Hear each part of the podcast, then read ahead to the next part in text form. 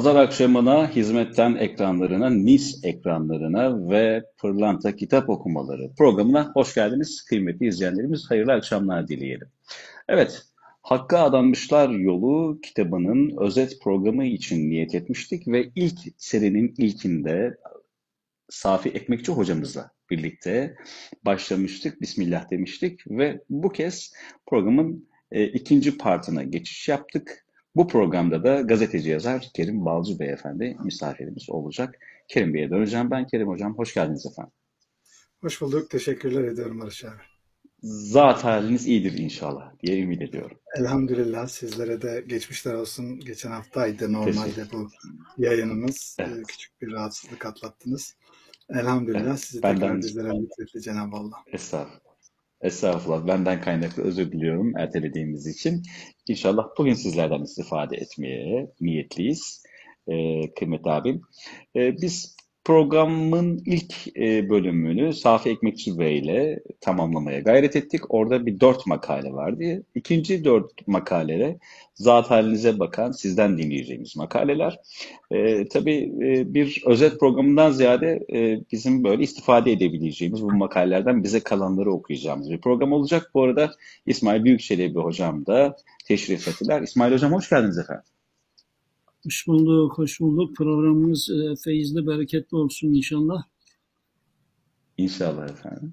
Ee, Kerim Bey bugünkü misafirimiz. Nasipse Kerim Bey ve sizden istifade edeceğiz bugün. Estağfurullah, estağfurullah. Esas Kerim Bey hepimizin misafiri. Allah razı olsun. Şimdiden teşekkür ediyoruz. Bahtiyar olun hocam. Evet, e, Kerim Bey, e, size bakan makaleler Hakkı Adanmışlar Yolun makalesi, Ruh Zehirlenmesi makalesi, Kendi Kendimizle Yüzleşme veya Muhasebe makalesi, son makalede İstikamet Abideleri.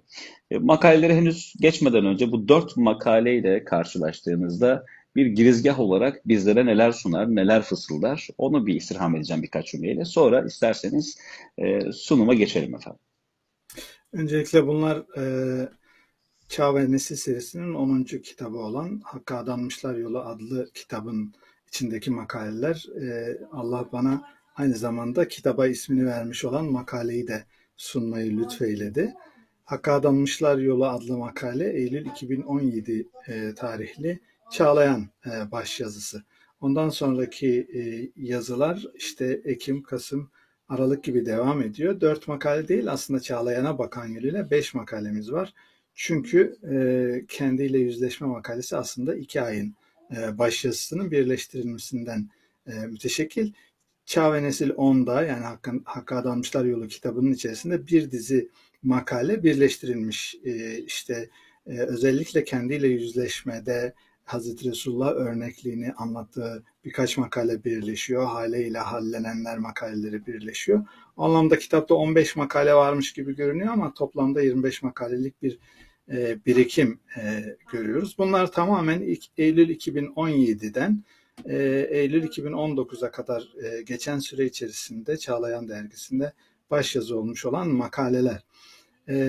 Öncelikle kontekst açısından meseleye bakalım. Hizmet hareketinin ciddi bir varoluşsal tehditle karşı karşıya olduğu, bir tarafta zulmün almış başını yürüdüğü, diğer tarafta mazlumiyetlerin de kendi içerisinde hırpalanmalara, iç inhiraflara, bazen iftiracılığa, bazen e, yolda takılıp kalmalara yol açtığı bir dönemin e, yazıları bunlar. Doğal olarak hizmet hareketinin e, önderliğini yüklenmiş, e, rehberliğini yüklenmiş insan olarak Muhterem Hoca Efendi burada üç temel kavramın etrafında dolaşıyor. Ağırlıklı olarak iki.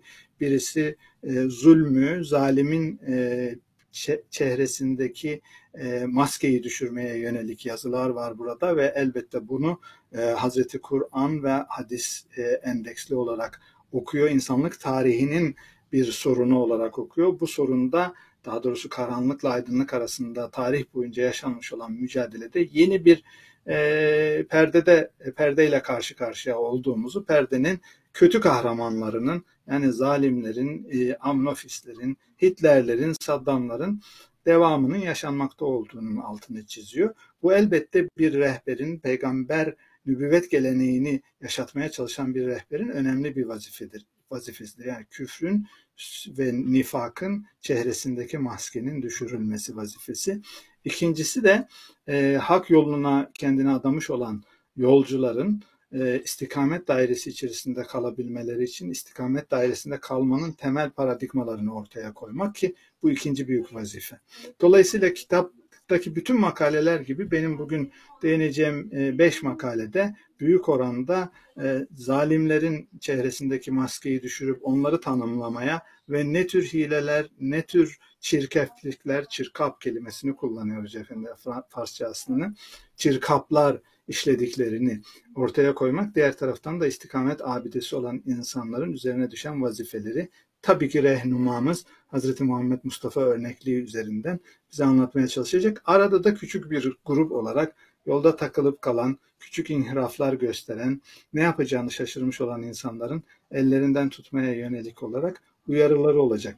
Ben benim e, işleyeceğim beş makalede tamamen bu konuların etrafında e, dolaşıyor.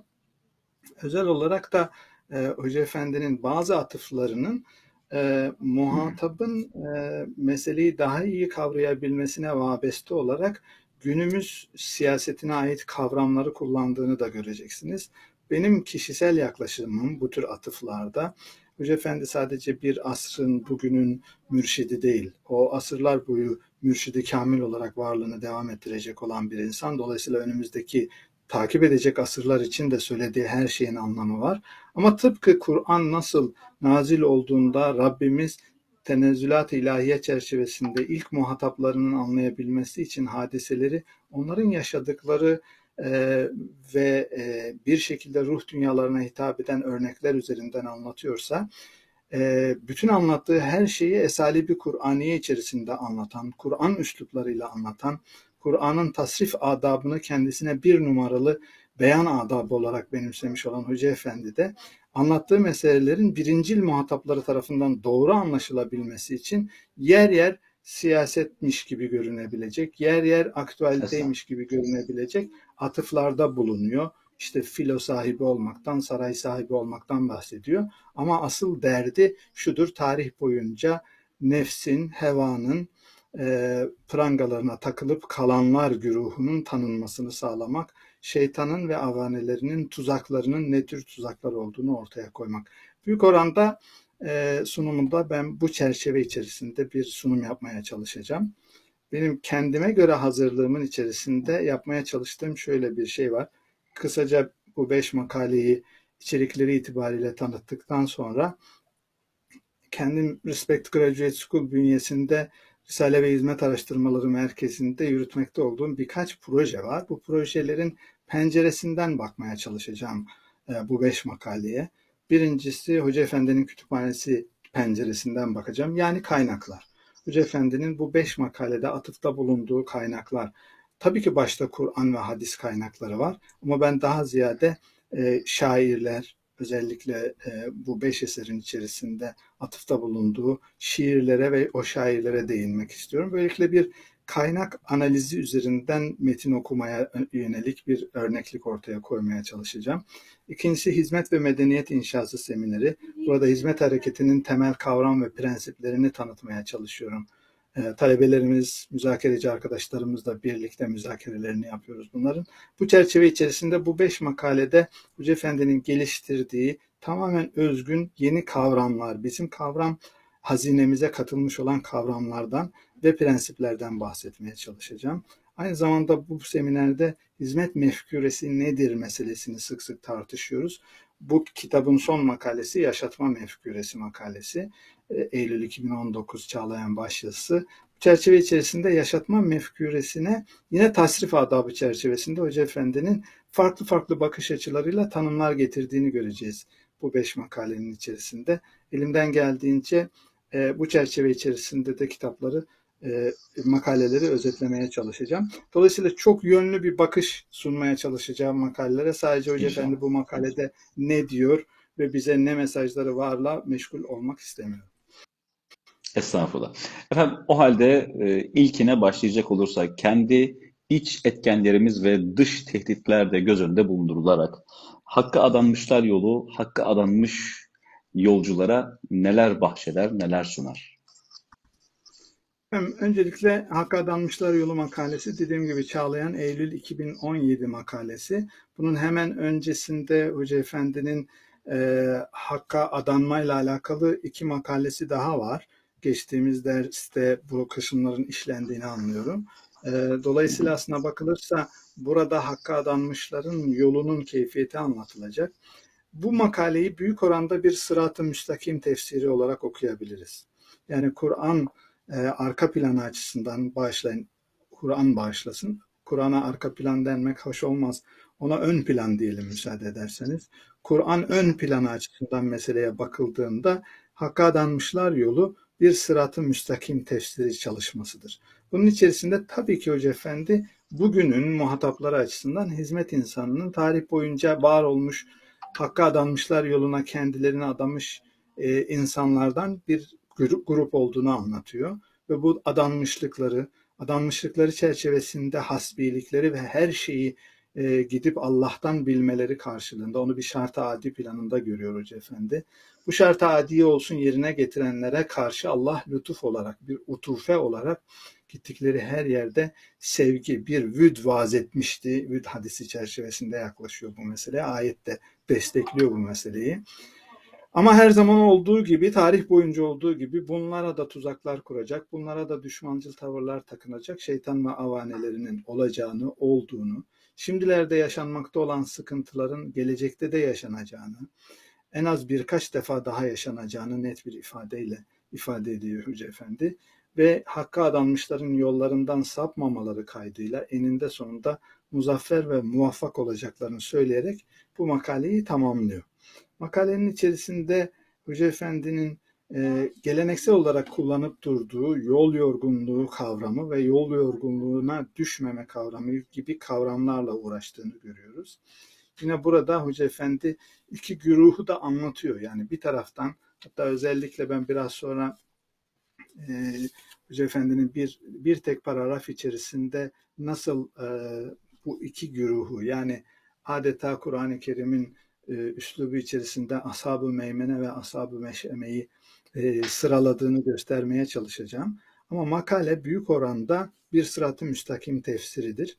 E, ben müsaade ederseniz diğer e, dört makaleyi de hızlıca böyle özetleyip ondan sonra dördünün ya da beşinin Olur birden efendim.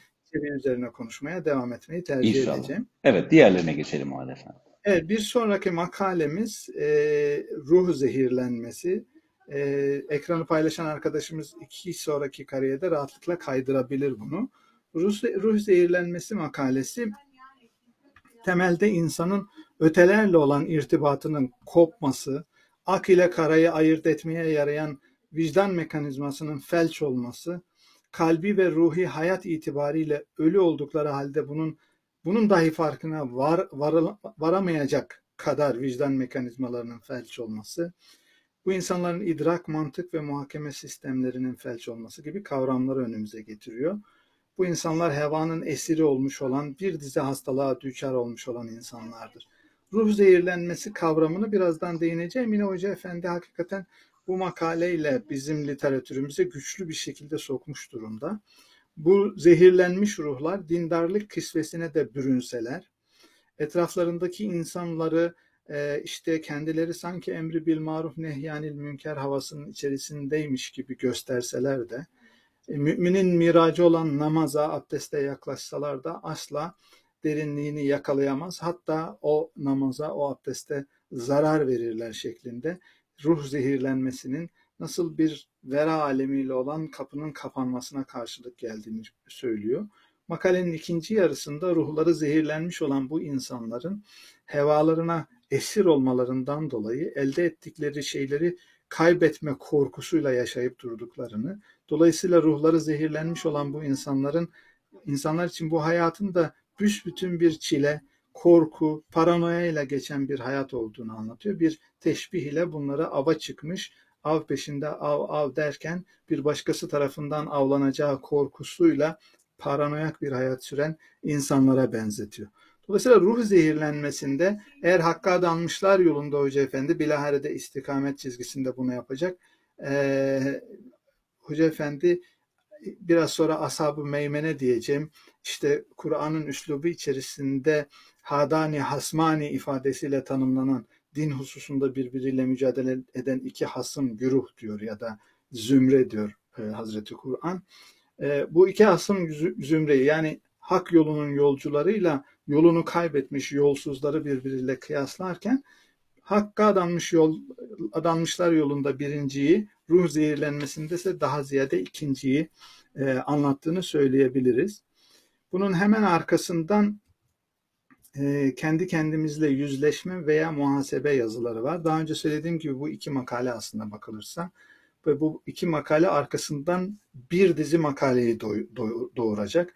Tanıdığımız Hoca Efendi zaten yazacağı bütün makalelerin planını yapmadan herhangi bir şekilde bir tek makaleye yoğunlaşmıyor. Yani bunlar e, bu yazıldı sonradan hadi bunu da yazalım şeklinde giden makaleler değiller. Planlaması baştan yapılmış. Bunun hemen arkasından kendiyle yüzleşmede ufuk insan olan Hazreti Muhammed Mustafa anlatılacak. Onun hemen arkasından onun halesinde bulunmuş, onun halesiyle hallenmiş, ondan kendiyle yüzlen, yüzleşme edebini öğrenmiş olan sahabilerle başlayıp Evliyaullah'la devam eden bir kendiyle yüzleşme terbiyesi yazıları devam edecek. O açıdan e, Hoca Efendi'nin e, 2017 sonrasındaki bir iç sorgulama, iç sorgulamayı da istikamet dairesinde kalmanın ön şartı olarak e, bize sunan yazılar bunlar. Bunlardan birinci makalete özellikle bilerek dünya hayatını ebediyetlere tercih eden, yığınları dindarlık vaatleriyle arkalarından sürükleyen, kendilerini, dinleyenleri büyüleyen, hedefleri dünya ve mafiha olan kişilerden bahsediyor. Yani birinci makale adeta ruh zehirlenmesine uğramış olan insanları anlatan bir makale. Buna karşılık ikinci makale arkadan gelecek olan makaleye bir tür e, hazırlık. Burada benlik ve egosantrizmle başlıyor ve gerçekten insanın e, istikamet dairesinde kalabilmesinin yolu e, açısından bu benlik dairesinden kurtulma zorunluluğu anlatılıyor. E, burada e, Gavsi'den İbrahim Hakkı Hazretlerine, İmam Emir Buhari'den Hazreti Bediüzzaman'a kadar bir dizi örnekle hak yolunun yolcularının sık sık kendilerini analize tabi tutup sorguladıklarının altı çiziliyor. Bu serideki son makale ise istikamet abideleri. İstikamet abideleri tarih boyunca temkin ve teyakkuz abideleri olmuşlardır. Bunlarda, bunların birinci piştarı, e, rehnumamız Hazreti Muhammed Mustafa. Makalede Hazreti Muhammed Mustafa sallallahu aleyhi ve sellemin masumiyetine rağmen, asla günah işlememesine rağmen sürekli tevbeye sarılmış olması, asla ayağa kaymayacak olmasına rağmen sürekli bir temkin edasıyla sözler söylemesi, iç döküşlerle yalvarması, nefis ve hevaya karşı Rabbisine sığınması, asla olmayan ve olamayacak olan ayıplarının setredilmesi için dua dua Cenab-ı Allah'a yalvarmasına atıfta bulunarak Resulullah'ın ne büyük bir muhasebe abidesi olduğunu, kahramanı olduğunu anlatıyor. Bu haliyle makale bundan sonra yazılacak olan dediğim gibi işte kendiyle yüzleşmede peygamber ufku yazılarına ve kendiyle yüzleşmede hale ile halelenler yazılarının hazırlığı mahiyetindeler. Ben bugün üzerlerinde duracağım beş makale büyük oranda e, bunlardan ibaret. Evet değerli hocam. Şimdi değerlendirmeye gelecek olursak bu beş makale e, bu yolun yolcuları ve bunca risklere rağmen bu yolun yolcularını neler bekliyor? Bu arada tabii sarılması gereken e, bazı kurnalar da var. O kurnalar neler? Onları biraz inceleyelim ve sizden onları dinleyelim. Şimdi e, benim dediğim gibi hazırlığım çerçevesinde ben meseleye biraz şöyle bakacağım müsaade ederseniz. Ee, Hoca Efendi tarih boyunca var olmuş olan e, ve insanlığın var olduğu günden bu yana e, bir iki grup üzerinden anlatıyor. Öncelikle bu e, makalelerde bize sunduğu şey Hoca Efendi'nin e, yolda takılıp kalanlarla dimdik yoluna devam edenlerin tanımlarının net bir şekilde oturtulması. Hakka adanmışlar yolunda 8. paragrafta Hoca Efendi neredeyse bir e, liste getiriyor karşımıza. Müsaade ederseniz ben onu okuyacağım. Paragrafı olduğu gibi.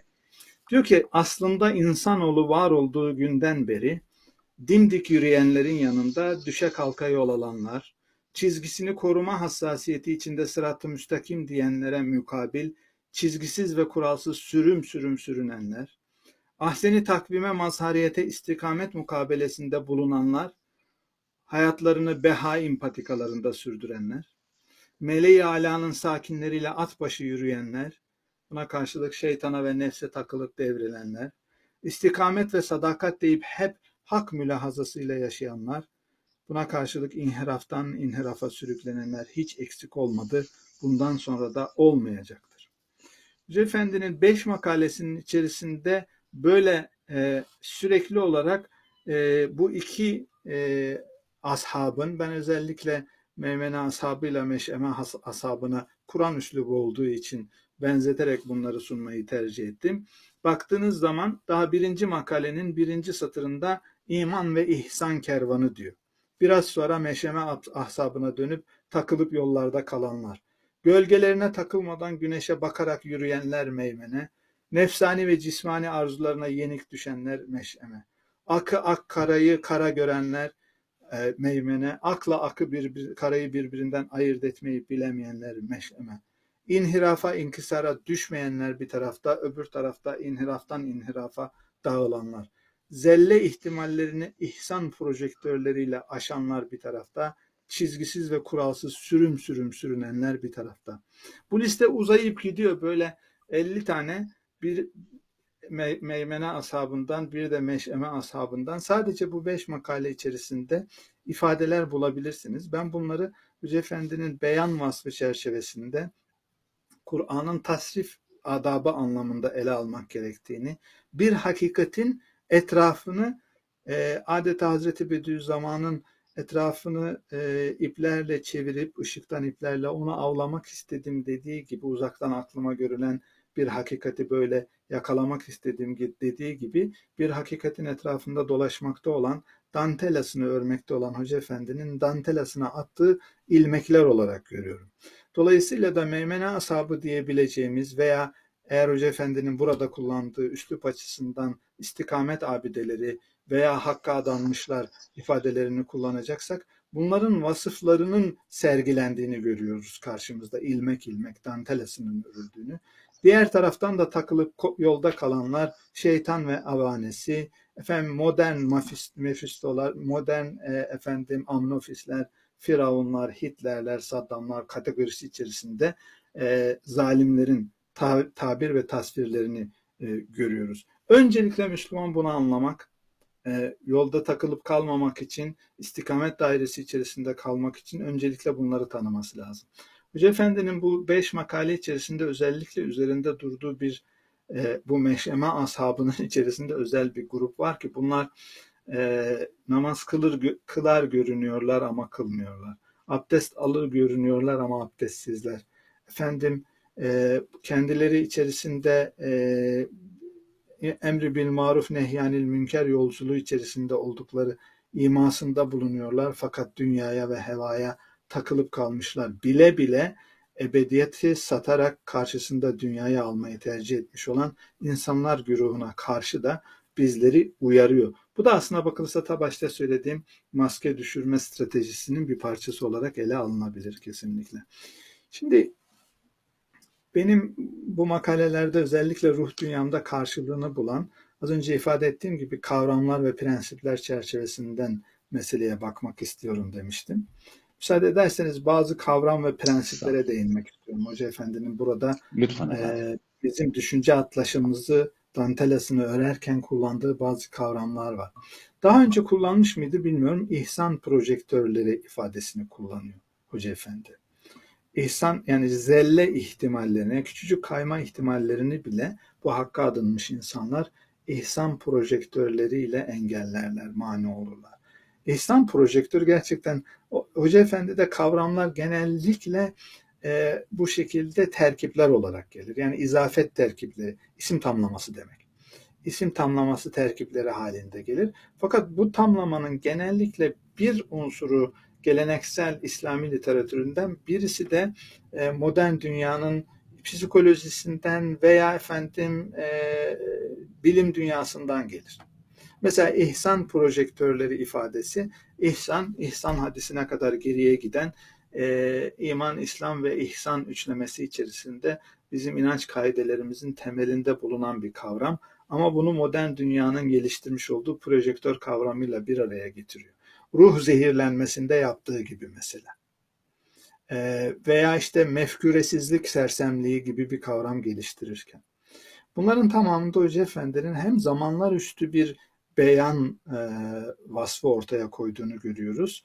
E, asırlar aşan evrensel bir kavramlar haritası ortaya koymaya çalıştığını görüyoruz. Hem de kendi içerisinde ihsanın modern dünyaya taşınmasına yönelik bir hamle görüyoruz. Yani ihsan projektörü, ihsan şuuru demek yerine ihsan projektörleri demek suretiyle aslına bakılırsa güncelleşiyor bu kavram kendi içerisinde ve bize ait hale geliyor. Bundan sonra bununla konuşabilir hale geliyoruz biz.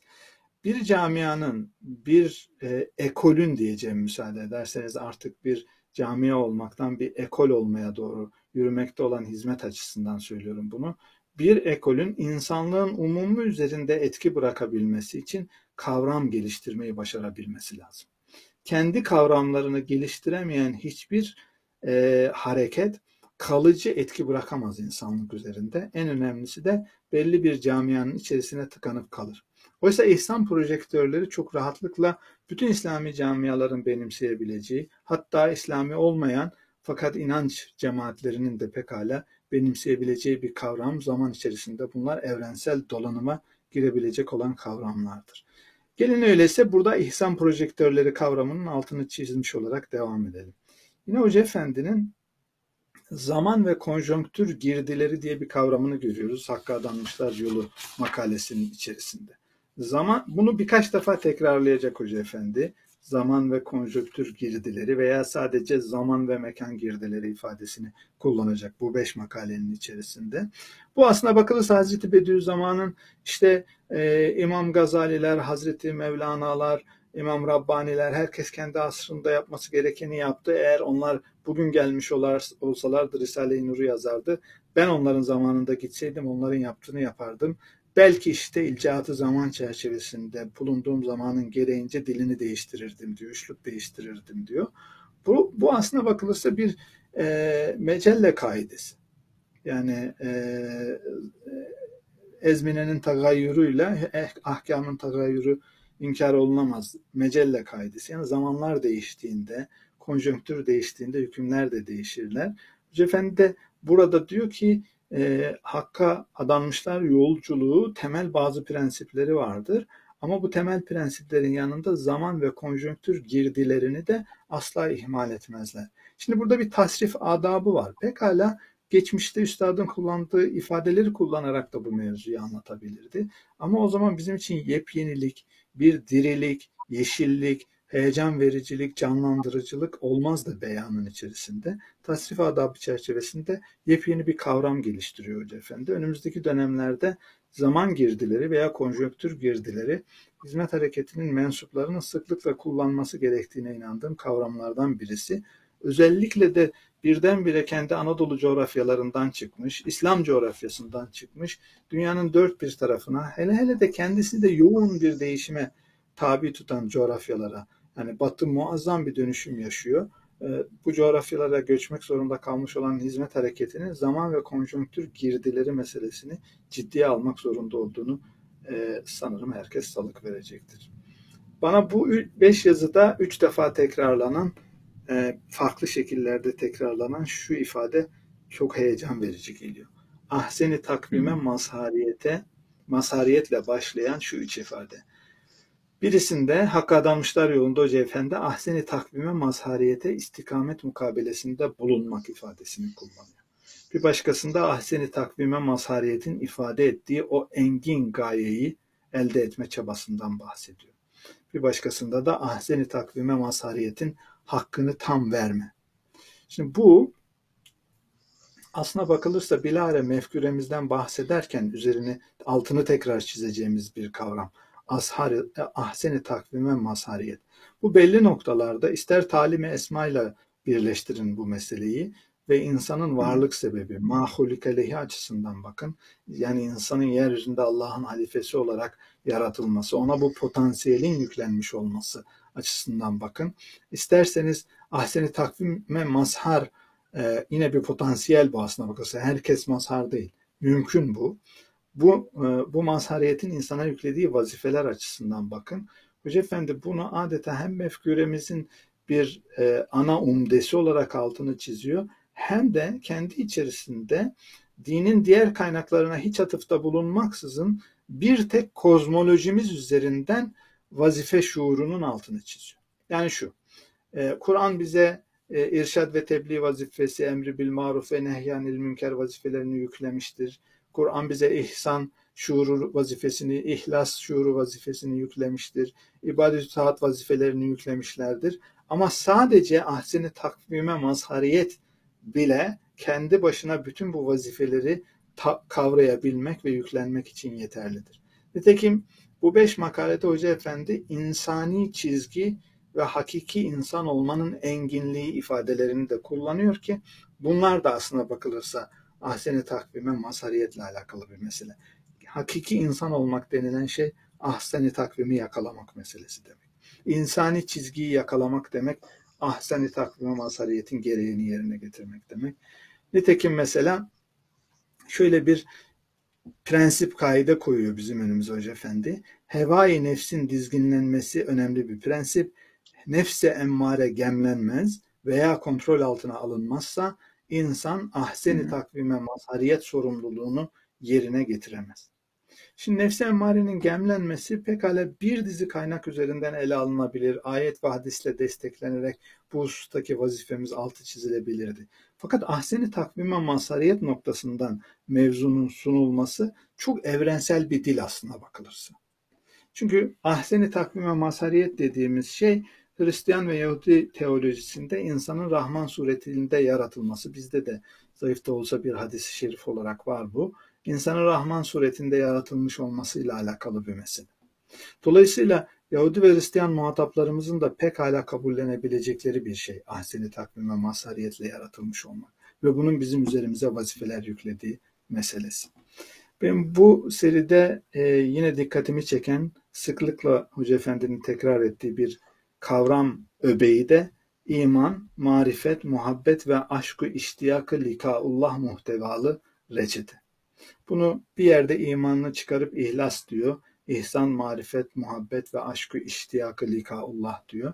Burada adeta e, Hazreti Üstad'ın e, aciz, fakr, şef, şefkat, tefekkür tarikatı ifadelerine benzer bir şekilde Hoca Efendi'nin de sıralaması var. Kendi yolunun, daha doğrusu Hakk'a adanmışlar yolunun duraklarını e, önümüze getiriyor. İman, ihlas, marifet, muhabbet ve aşkı iştiyakı likaullah. Yani Cenab-ı Allah'a kavuşma, aşk ve iştiyakıyla yaşama. Bunun tekrar tekrar beş makalenin içerisinde bile tekrarlanıyor olması bence çok değerli. Bu makalelerde bir de tekrarladığı gölgesine takılmama kavramı var. Bu beş makalede üç defa geçiyor bu. Yani daha zaten Hakk'a adanmışlar yolunun başında gölgesine takılmadan takılmadan güneşe doğru yürürler diyor. Sonra en sonun makalede gölgesini arkasına alıp sürekli güneşe müteveccih yürürler diyor istikamet abidelerinde. Bir başka yerde de bize düşen gölgelerimize takılmadan güneşe doğru yürümektir diyor. Bu da yepyeni bir terkip Hoca Efendi'nin sözlüğü içerisinde gölgesine takılmama, gölgesini arkasına alma. Güneş eğer önünüzdeyse gölgeyi arkaya aldığınızda o gölgeye asla takılmazsınız. Bu sembolizm üzerinden bize anlatılan derin meseleler var. Bu aynı zamanda gölgesini arkaya alma, kendini sifirleme ile alakalı bir mesele. Çünkü insanın bir gölgesi varsa kendisi de vardır yani. İnsan kendi gölgesini seyrediyorsa kendi varlığının farkındadır. İnsan gölgesini arkasına aldığında yani o gölgesinin varlığını bile görmediğinde adeta bir hiç olur, bir hayalet olur. Bilirsiniz bu çizgi filmlerde gölgesi olmayanlar aslında ruh olduğu ortaya çıkar veya hayalet olduğu ortaya çıkarlar.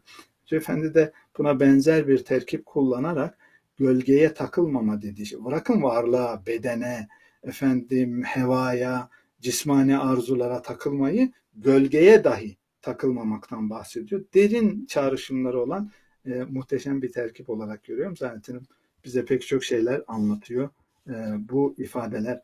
Tekrar altını çiziyorum. Elimden geldiğince Efendi'nin kavramlar haritasını çıkarmaya çalıştım. Yani makalelerin her birinin üzerine derinlemesine gitmek yerine bu makalelerin umumundan değerleyebileceğimiz kavramlar haritasını çıkarmaya çalıştım. Ve bence de okumalarımızı yaparken bir okuma türü de bu olmalı. Elbette makalenin tamamını özetlemek de bir yöntem. Tamamını ezberlemek de bir yöntem. Soru cevap şekline dönüştürmek de bir başka yöntem. Ama bir yöntem de kavramlar ve prensipler üzerinden metinleri okumaya e, çalışmak olmalı. Çünkü bu metinden taşan bir şeydir. Yani ihsan projektörü artık metnin dışında da anlamlı hale gelmiştir sizin için, okur için. Gölgesine takılmama metinden taşmış bir kavramdır. Kavramın özelliği vakadan taşmasıdır. Yani Kerim Balcı, Barış Cem birer insandırlar. Bunlar kavram değillerdir, vakadırlar, fertlerdirler, şahıslardırlar. Ama insan kavramı Kerim Balcı'dan, Barış Cem Kaya'dan taşar. Onu istediğiniz yere götürebilirsiniz. Onun için kavramsal okumaya tabi tutmanın Hüce Efendi gibi asırlar boyunca mürşidi kamil olmuş ve olacak insanlar açısından bakıldığında değerli bir okuma yöntemi olduğunu düşünüyorum. Biraz haddim olmayarak böyle bir çalışma yapmaya. Şöyle bir soruyla devam edelim mi e, Kerim Bey izninizle? E, şimdi e, Türkiye coğrafyasından dünya coğrafyasına sıçrayan ve dünyanın da ihtiyacının olduğunu gösteren bir kader planı da nitekim buradan okunabilir. Oradan değerlendirdiğimizde özellikle şu son şıkkı ben bir kez daha not aldım. Hizmet mefkuresi şıkkını. Bu yönüyle bakıldığında çünkü e, bütün insanlığın kendi içinde kavrulduğu, ihtiyaç duyduğu, kıvrandığı çok büyük meseleler var. E, farklı inançlarında, farklı cemaatlerinde, farklı görüşlerinde. Bu bizim ortak derdimiz, insanlığın ortak derdi. İnsanlığın ortak derdine Hoca Efendi'nin kavramlarıyla baktığınızda, yaklaştığınızda hizmet mefkuresi neler vaat ediyor?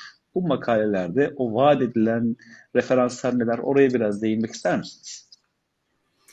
Bahtiyar olun. Bence bu mesele hususunda hizmet hareketinin umumi bir konsensus oluşturmak için gerekirse birkaç yıl sürecek bir diyalog başlatmaya ihtiyacı var. Yani e, işte herhangi birimiz yani ben, siz veya başımızın tacı İsmail Büyükçelebi hocam kalkıp budur hizmetin mefkuresi e, dediğinde hepimiz o mefküreyi benimseyecek değiliz. Bu kolektif şuurun idrak etmesi ve kabullenmesi gereken bir meseledir.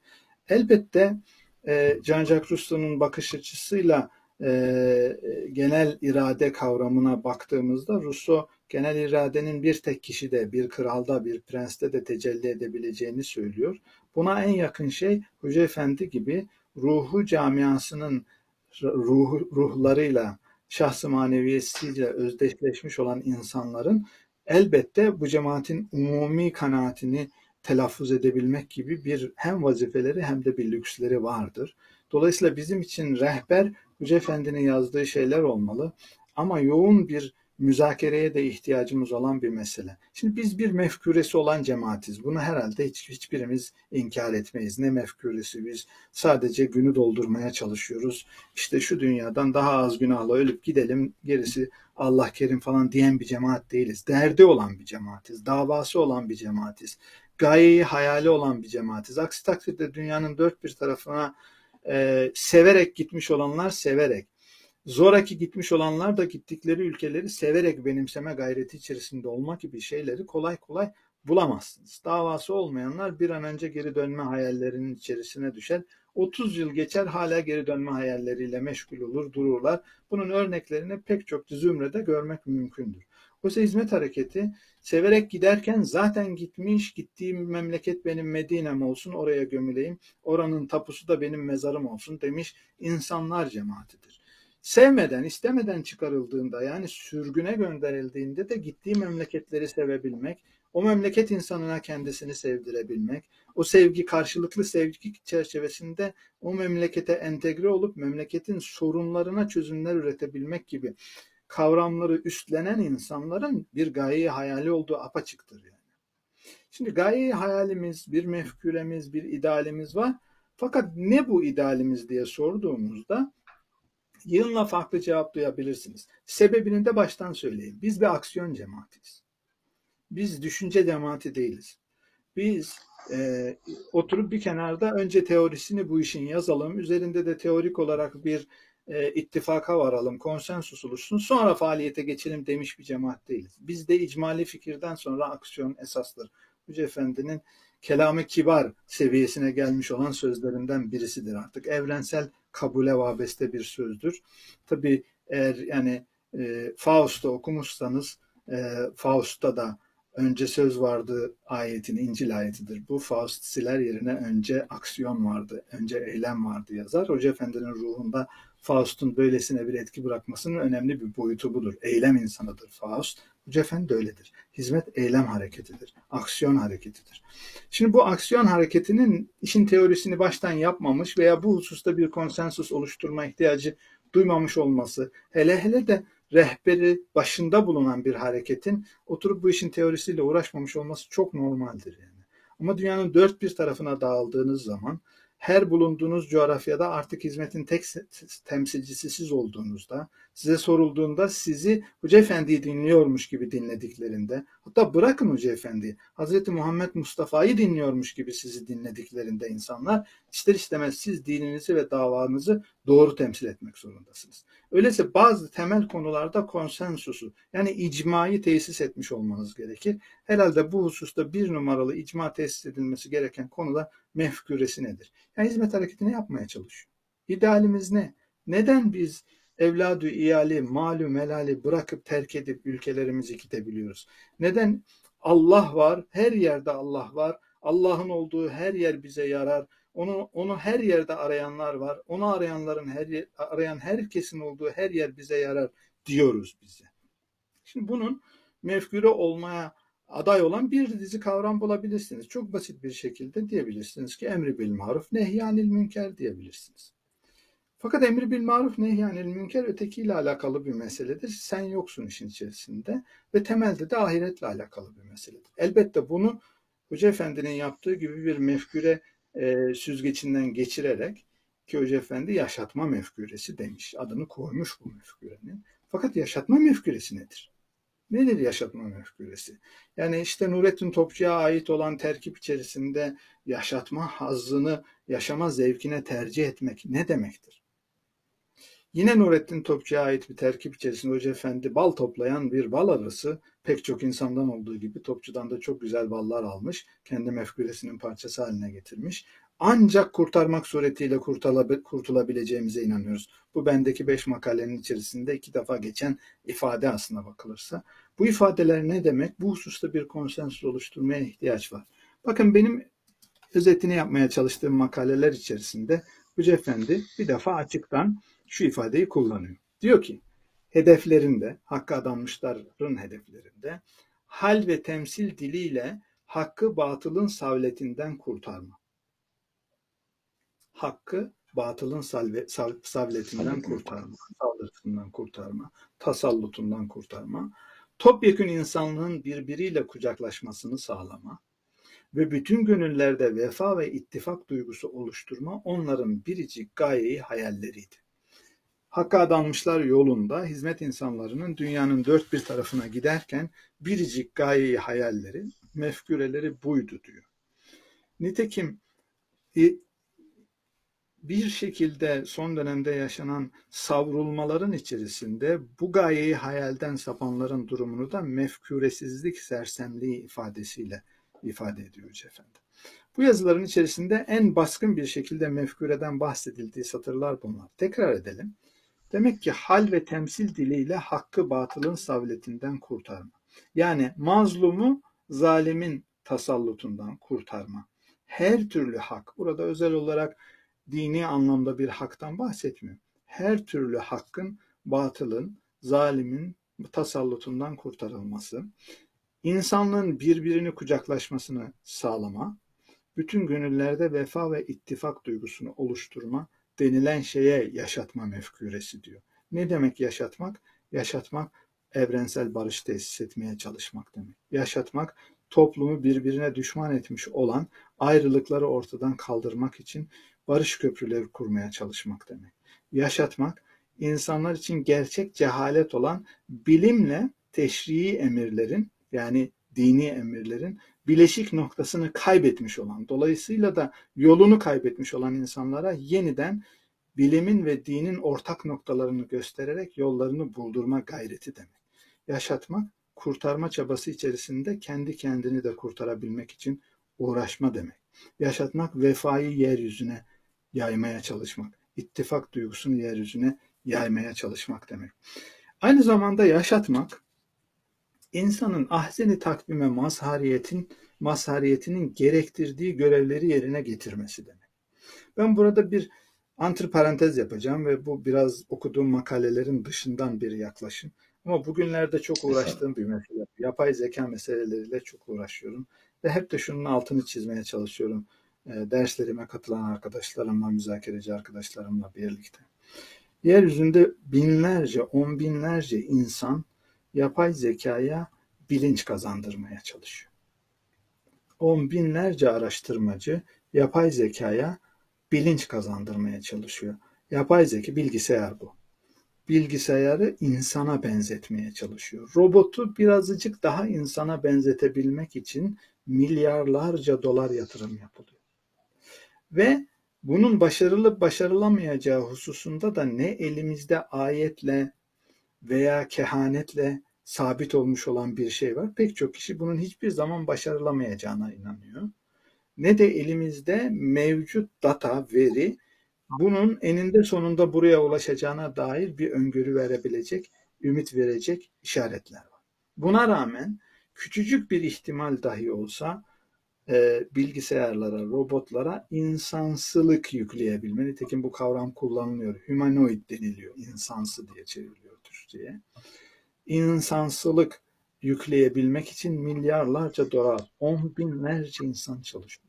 Ben de dönüp diyorum ki bakın insan olmayan bir şeyi insana benzetmek için bu kadar uğraşan insan, insanı insana benzetmek için, insanı gerçek insana benzetmek için, insanı insanı kamil olan Hazreti Muhammed Mustafa'ya benzetmek için aleyhi ekmelittehaya, insanı ahseni takvime mazhariyeti çerçevesinde kendisine yüklenmiş kutlu yük, emanet ve vazife olan yeryüzünde Allah'ın halifesi olma makamını ihzar etmeye, hazırlamaya, yaklaştırmak için on binler, yüz binler, milyonlar insan çalışsa, milyarlar, trilyonlar dolar harcansa seza değil mi? Bırakınız bütün bir insanlığın bu makamı yakalaması, ah seni takvim noktasını yakalaması. Bizler insanlık tarihinde bir tek kişinin mutlak manada ahseni takvime mazhariyetinin gerektirdiği seviyeyi yakaladığına inanıyoruz. Buna makamı Mahmud diyoruz. Hazreti Muhammed Mustafa'nın ulaştığı makam. Gerçek kamil insan o. Öbürleri zırliyet planında, gölge planında ve misliyeti çerçevesi içerisinde ancak işte kâmetince, kadrince, kâmetince kamil insan olabilirler. Kamil insancıklar, kamilcik insancıklar olabiliriz bizler. Buna rağmen bir tanesi bile bu olduğunda bizi bu kadar gururlandırıyor. Tıpkı bir tanecik bir tanecik yapay zeka vicdan kazansa büyük bir devrim olacağı gibi bir tanecik insan ahseni takvimi yakalayabilse çok büyük bir devrim olmaz mı? İşte Hoca Efendi'nin yaşatma mefküresi, insanı yaşatma mefküresi biraz buraya, buranın altını çiziyor. Ahseni takvimi yeniden yakalayabilme. Benim kanaatim bunlar ama ta başta uyarıyla söylediğim gibi bu hizmet hareketinin bütün mensuplarının yıllar boyu hani vardır ya bir millet yeni bir anayasa yapacağı zaman bir beş yıl süre verirler. Okullardan, ilkokullardan üniversitelere, efendim STK'lardan siyasi partilere herkes panel üzerine panel düzenleyip anayasayı tartışırlar. Sonra beş yıl sonra üzerinde anlaştığımız şey budur. İdeal tabii bu. Çok yapılmış bir şey yok. Ama Güney Afrika'da ona benzer bir süreç yaşadı. Buna benzer bir süreçle hizmet hareketinin kendi mefküresini bir konsensusla, icmayla ortaya koyması bunu sadece dışarıya, dışımızdaki insanlara anlatma anlamında değil. Her birerlerimizin benim davam bu. Bunun için ben evlattan, iyelden, maldan, canandan, canandan, candan vazgeçmeye hazırım. diyebilmesi lazım. Ama bu ancak böyle olabilir. Böyle bir okumayla Hoca Efendi'yi yeni baştan okuduğumuzda bunun ihzariyesini yapmış olabiliriz diye düşünüyorum. İnşallah. Hep sorular bana mı sorulacak? Ağzınıza sağlık. Soru yok mu?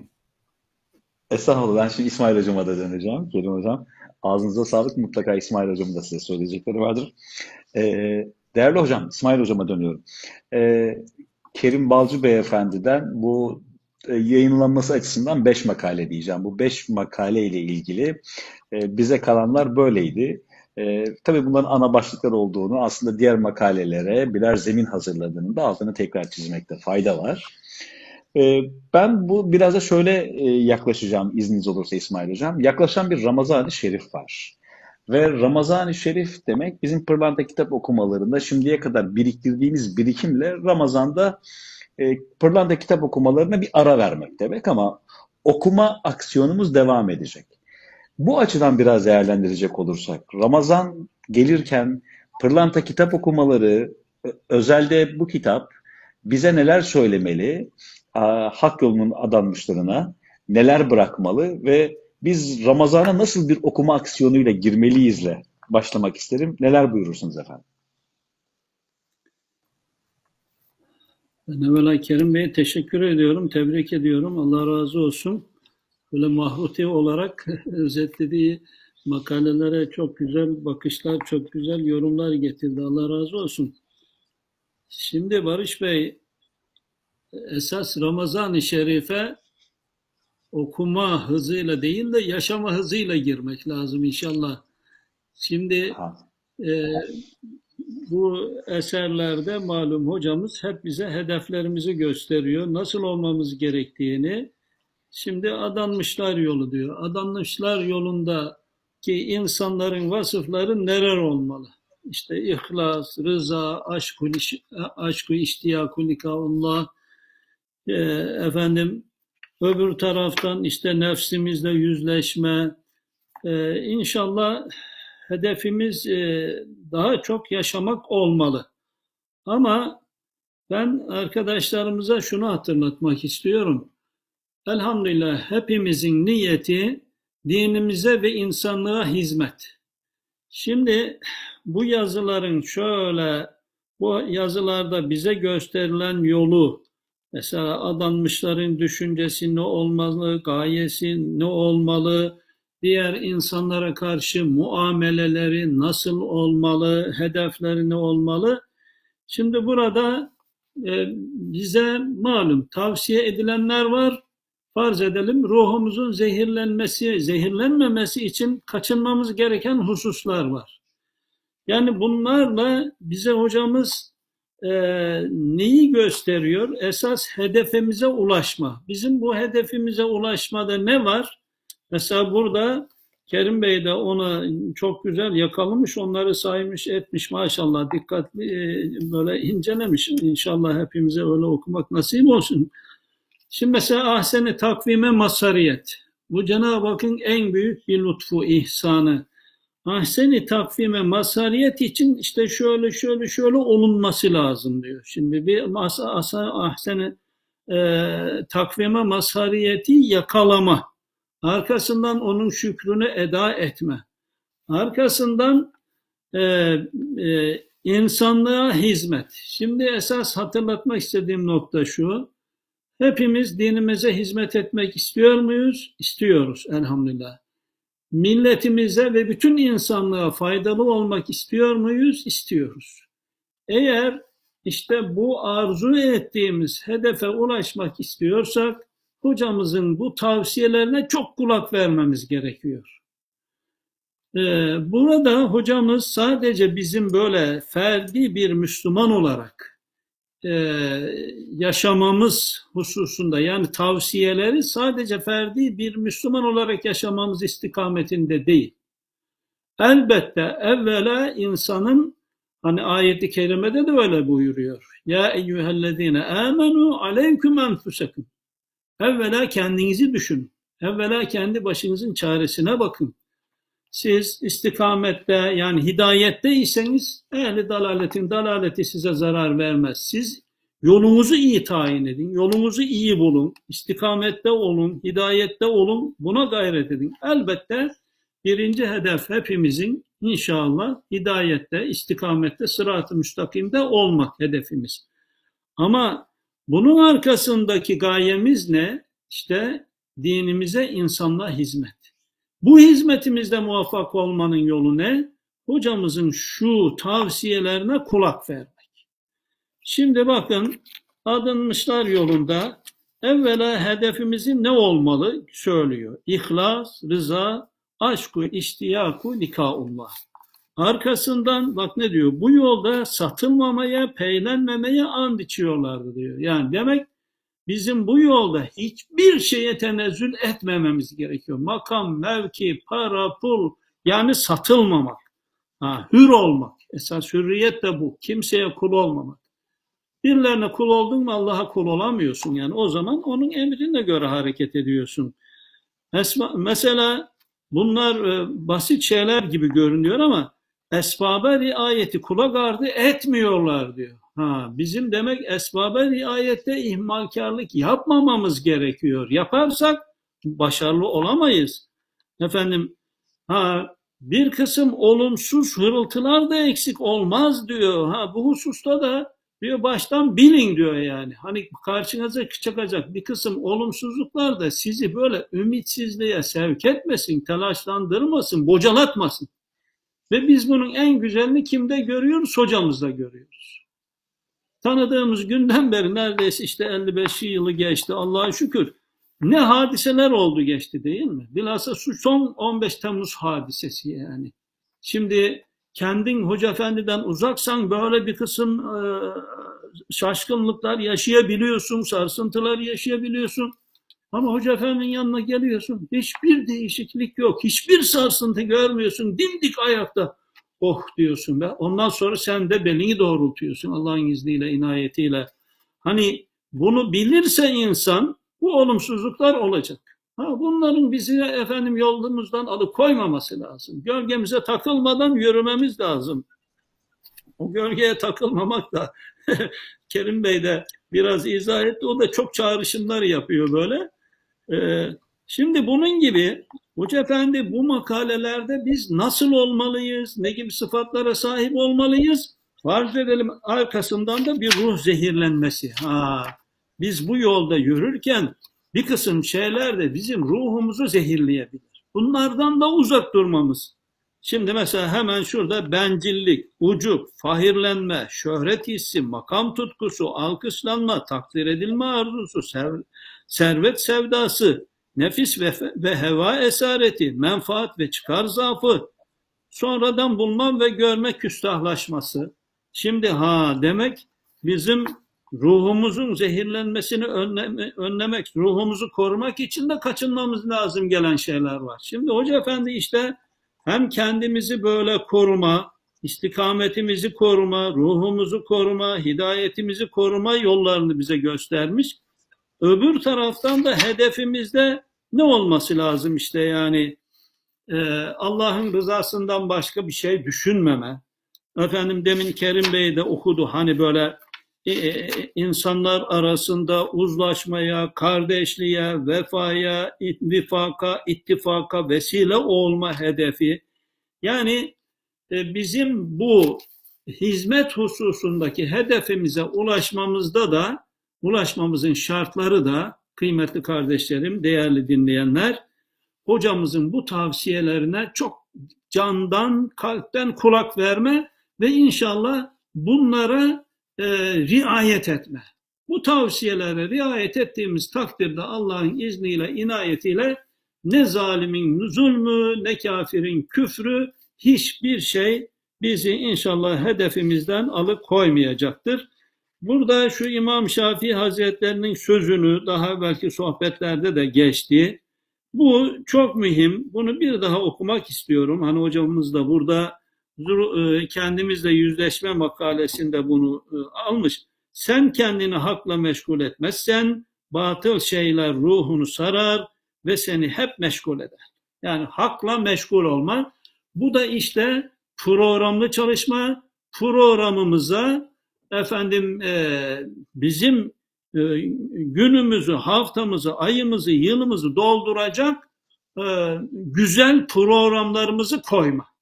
Yani günlük hayatımızı, aylık hayatımızı, haftalık hayatımızı böyle hak olan ve inşallah hem kendi e, kulluğumuzda başarılı olabilme, hem hizmetimizde başarılı olabilecek böyle hak meselelerle programlarımızı doldurabilirsek şeytan burnunu sokacak zaman şey bulamaz.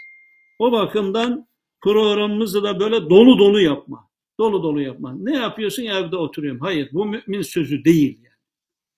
Ne yapıyorsun denildiği zaman bizim vereceğimiz cevabımız olmadı. Derslerim var, sohbetlerim var, efendim tefsir okuyorum, Kur'an okuyorum, şu kadar talebem var, şunları okuyorum, şu sohbetleri yapıyorum.